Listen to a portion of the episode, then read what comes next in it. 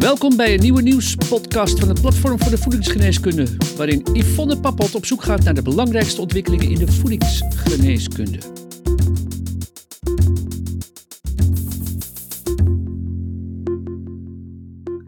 Hallo professional. Welkom bij de nieuwspodcast van Voedingsgeneeskunde, waarin we je inspireren over de rol van leefstijl, voeding en specifieke nutriënten in relatie tot gezondheid en ziekte. Ik ben Yvonne Pappot en ik ga in gesprek met Andrea van Vuren over haar ketogeen-experiment. Hallo Andrea, hartelijk welkom. Heb je er weer zin in? Ja, altijd. Onlangs gaf je in een podcast al aan dat je zelf het ketogeen dieet volgt. Nou, daar willen we alles van weten, Andrea.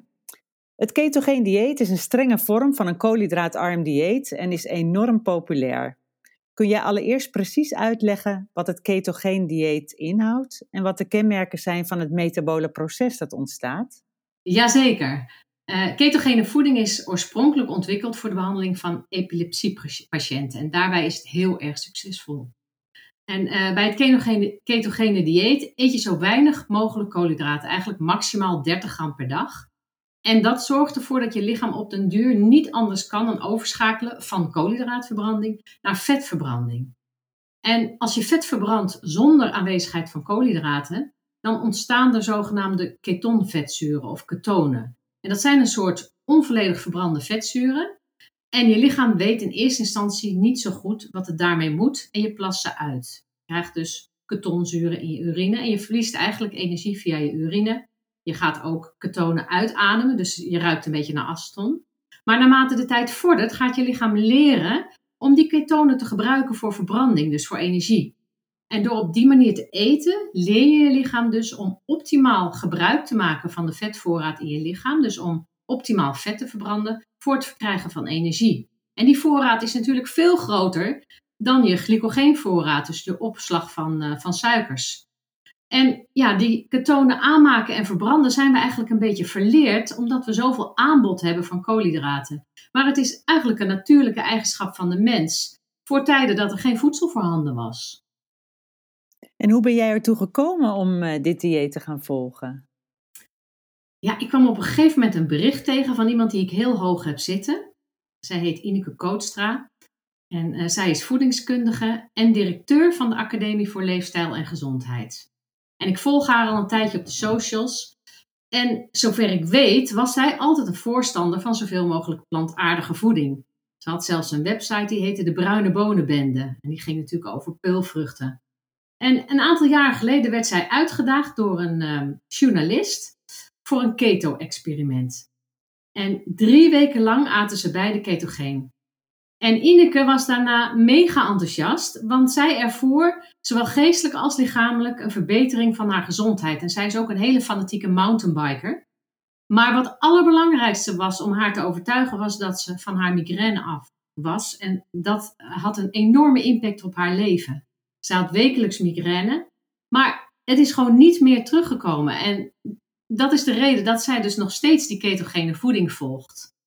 En de laatste tijd ben ik uh, beroepsmatig een beetje uh, intensief bezig met uh, insulineresistentie. En ook daar stuitte ik weer op ketogene voeding. En toen dacht ik, nou, goede voorbereiding is om dat zelf eens te proberen en om eens te kijken hoe mij dat bevalt.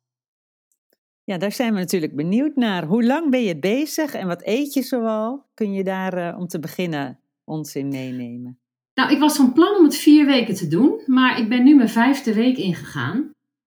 Uh, omdat ik het idee heb dat mijn lichaam nog niet helemaal aangepast is aan die vetverbranding. Dat duurt natuurlijk een tijdje als je zo lang altijd hebt gezorgd dat die koolhydraten voorhanden waren. Dus ik denk dat ik ook nog niet alle voordelen ervan ervaar. En om een idee te krijgen van wat ik zoal kan eten, uh, zonder boven die 30 gram koolhydraten uit te komen, maak ik gebruik van de eetmeter van het voedingscentrum. Ik eet alles vol vet. Uh, Griekse yoghurt, room, roomkaas, mascarpone, veel eieren, avocado's, noten, zaden, vlees, vette vis. En een hele variatie aan groenten die toegestaan zijn. Want koolhydraatrijke groenten die zorgen ervoor dat je snel op die 30 gram zit. Zoals bijvoorbeeld de pompoen of uh, wortelen. En af en toe wat bessen en aardbeien, die zijn ook koolhydraatarm. En mijn energiepercentage vet ligt daardoor tussen de 65 en de 75 procent. Die eetmeter slaat volledig op tilt en die roept steeds: U eet te veel vet. Ik krijg allemaal rode vlaggen te zien. Ehm, maar ja, dat is met deze leefwijze geen probleem. Want die koolhydraten en die vetten zijn eigenlijk communicerende vaten. Dus die vetten zonder de combinatie met koolhydraten hebben niet dat schadelijke effect. En natuurlijk kies je ook zoveel mogelijk voor de goede vetten. Dus je moet zorgen dat je balans verzadigd en onverzadigd vet uh, gunstig is. En ik zit op ongeveer een derde uh, energieprocent verzadigd vet en de rest is onverzadigd. En voor wat de meervoudige onverzadigde vetzuren betreft moet je vooral kiezen voor de omega-3's. Want te veel omega-6 dat zorgt natuurlijk ook weer voor een disbalans en is ontstekingsbevorderend. Maar ik ga zeker ook mijn bloedlipidewaarde een keer laten testen. Want ook ik word toch een beetje nerveus dat ik denk, zou mijn cholesterol niet toch enorm omhoog gaan? Terwijl men zegt dat dat niet zo is. Maar ik denk om dat te weten ben ik nog te kort bezig en dan moet ik toch nog wat langer doorgaan. Ja, maar reuze interessant allemaal. Uh, maar wat, wat brengt het je verder, Andrea? Kun je ons daar nog iets meer over vertellen? Nou, wat het me brengt, um, is dat ik merk dat het heel makkelijk vol te houden is. Uh, want de regel is dat je eet tot je verzadigd bent. Je hoeft dus geen honger te hebben. Ik heb dus absoluut geen trek, ook omdat die ketonen die zich nu gaan vormen ook de eetlust remmen. En bovendien is het natuurlijk zo dat vetten en eiwitten veel langer in de maag blijven dan koolhydraten. Ook mijn insuline blijft laag, want die is niet nodig, want mijn glucosespiegel stijgt niet regelmatig. Die is dus heel stabiel. En tot nu toe viel ik ook 2 kilo af. Nou hoefde ik niet per se af te vallen, maar ik merk wel dat vooral buikvet verdwijnt. En, en vorming van buikvet is natuurlijk uh, het resultaat van insuline. Uh, maar de laatste week is mijn gewicht gewoon heel stabiel. Ik denk dat ik een gezond gewicht heb. En wat ik ook merk is dat mijn darmen veel rustiger zijn. En dat verbaasde me heel erg, want ik kom niet boven de 20 gram voedingsvezel uit, omdat ik natuurlijk minder van die plantaardige vezels binnenkrijg uit granen bijvoorbeeld. Maar mijn stoelgang is heel regelmatig en heel goed van consistentie. En voorheen was dat niet zo. Ik, ik had, ja, om maar even in dat praatje verder te gaan, maar ik had een enorm volume. En ik dacht, dat is goed hè, als je meerdere keren per dag gaat. Um, maar ook had ik veel last van kramp, opgeblazen gevoel en winderigheid. En dat is volledig verdwenen. Dus kortom, door het gewoon een keer te doen, ben ik me heel bewust geworden van mijn eigen consumptie van koolhydraten. Want je verbaast je gewoon hoe snel je aan die 30 gram zit. En ook heb ik geleerd om toch beter naar mijn lichaam te luisteren. Ik merk bijvoorbeeld dat die vezels me niet altijd goed doen. Dat bijvoorbeeld misschien die vezels uit granen en peulvruchten voor mij niet de allerbeste keuze zijn. Dat ik meer moet gaan voor um, vezels uit groenten.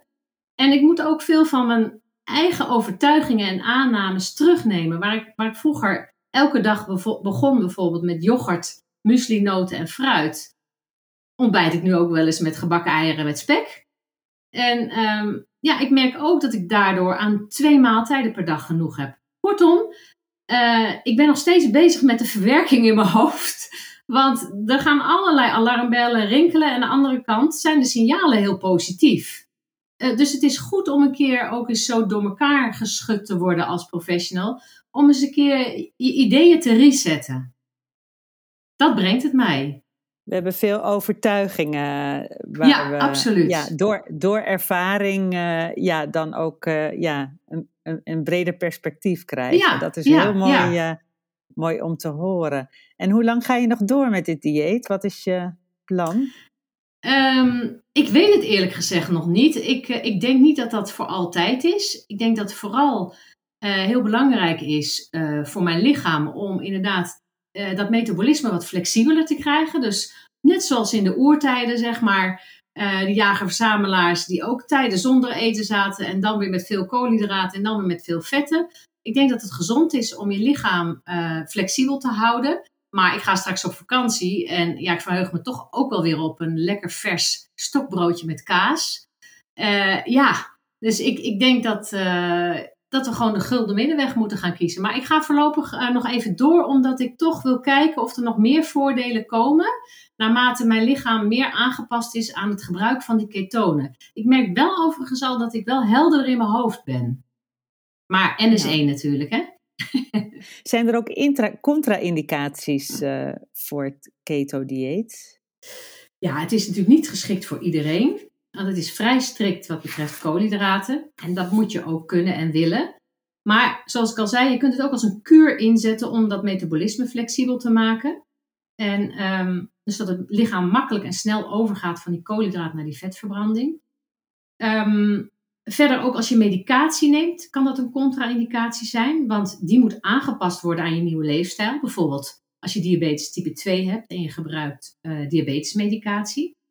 En het is niet geschikt als je zwanger bent of borstvoeding geeft, of als je jonger dan 18 bent, dus in de groei, of als je ziek bent of herstellende. En ehm, als je die medicatie bij uh, diabetes gebruikt, dan kan het heel goed, want het kan diabetes omkeren.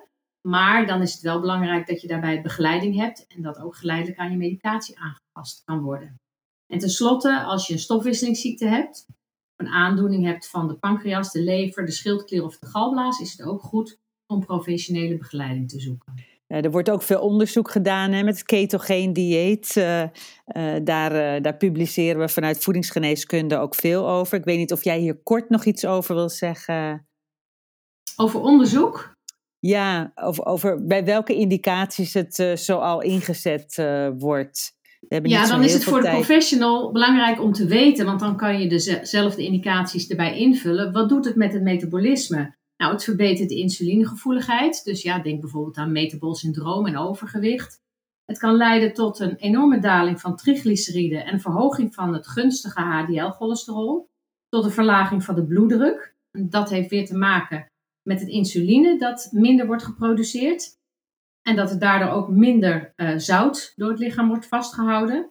Het leidt vrijwel altijd tot uh, gewichtsverlies. En mensen met een te hoge BMI. En de ontstekingsmarkers gaan omlaag. En uh, tenslotte is een gunstig effect dat um, het energieniveau stabiliseert en de vetverbranding verbetert. Dus er is meer energie gedurende de hele dag.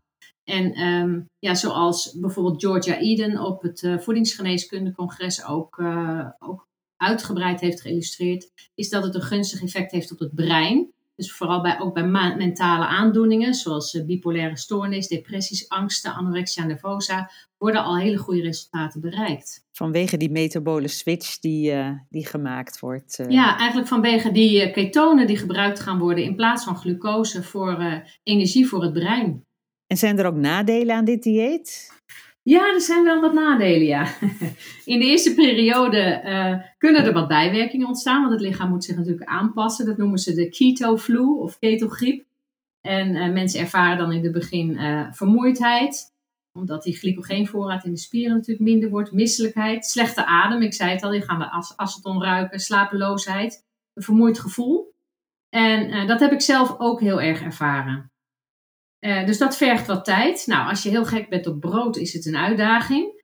Maar wat ik ook merk, is dat de behoefte aan zoet heel erg afneemt. Je bent ook gewoon heel erg verzadigd. Dus die, die dip na het eten, die trek in zoet na het eten, wat veel mensen hebben, die verdwijnt gewoon volledig. Nou, en dan is het natuurlijk een heel raar idee dat je ineens heel veel vetten gaat eten. Dus daar moet je mentaal ook aan wennen. De meeste mensen hebben een beetje een vetangst. En ook de professionals zijn opgevoed met vetarme keuzes. En ja, nu leer ik dat vet alleen een probleem is als er ook koolhydraten bij uh, zijn. Maar wat ik zelf nog wel uh, een worsteling vind, is dat plantaardig en keto niet zo goed samengaan. En momenteel, ja, ja hè, vanwege milieu-impact en, en vanwege dierenwelzijn, wil ik eigenlijk niet al te veel vlees eten. Maar ik ben dus hierdoor wel wat meer vlees gaan eten, omdat ja, er nou eenmaal meer koolhydraten zitten in die plantaardige voeding. En als je helemaal geen vlees eet, dan krijg je op den duur wel een beetje een eier en een kaaskop. Uh, en wil je ook wel eens wat anders. Dus uh, ja, ik probeer mijn vleesconsumptie te beperken tot twee keer per week. Omdat ik toch liever niet te veel vlees eet. Ja, en tot slot je advies aan de professional, uh, Andrea. Ja, dat is eigenlijk ook wat het mij gebracht heeft. Verdiep je in nieuwe principes. Durf oude overtuigingen los te laten. Mezelf heel anders gaan kijken naar de rol van vetten en koolhydraten en voedingsvezels in de voeding.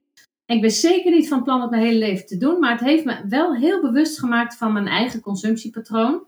En ja, het is gewoon een manier van eten die je iets kan brengen.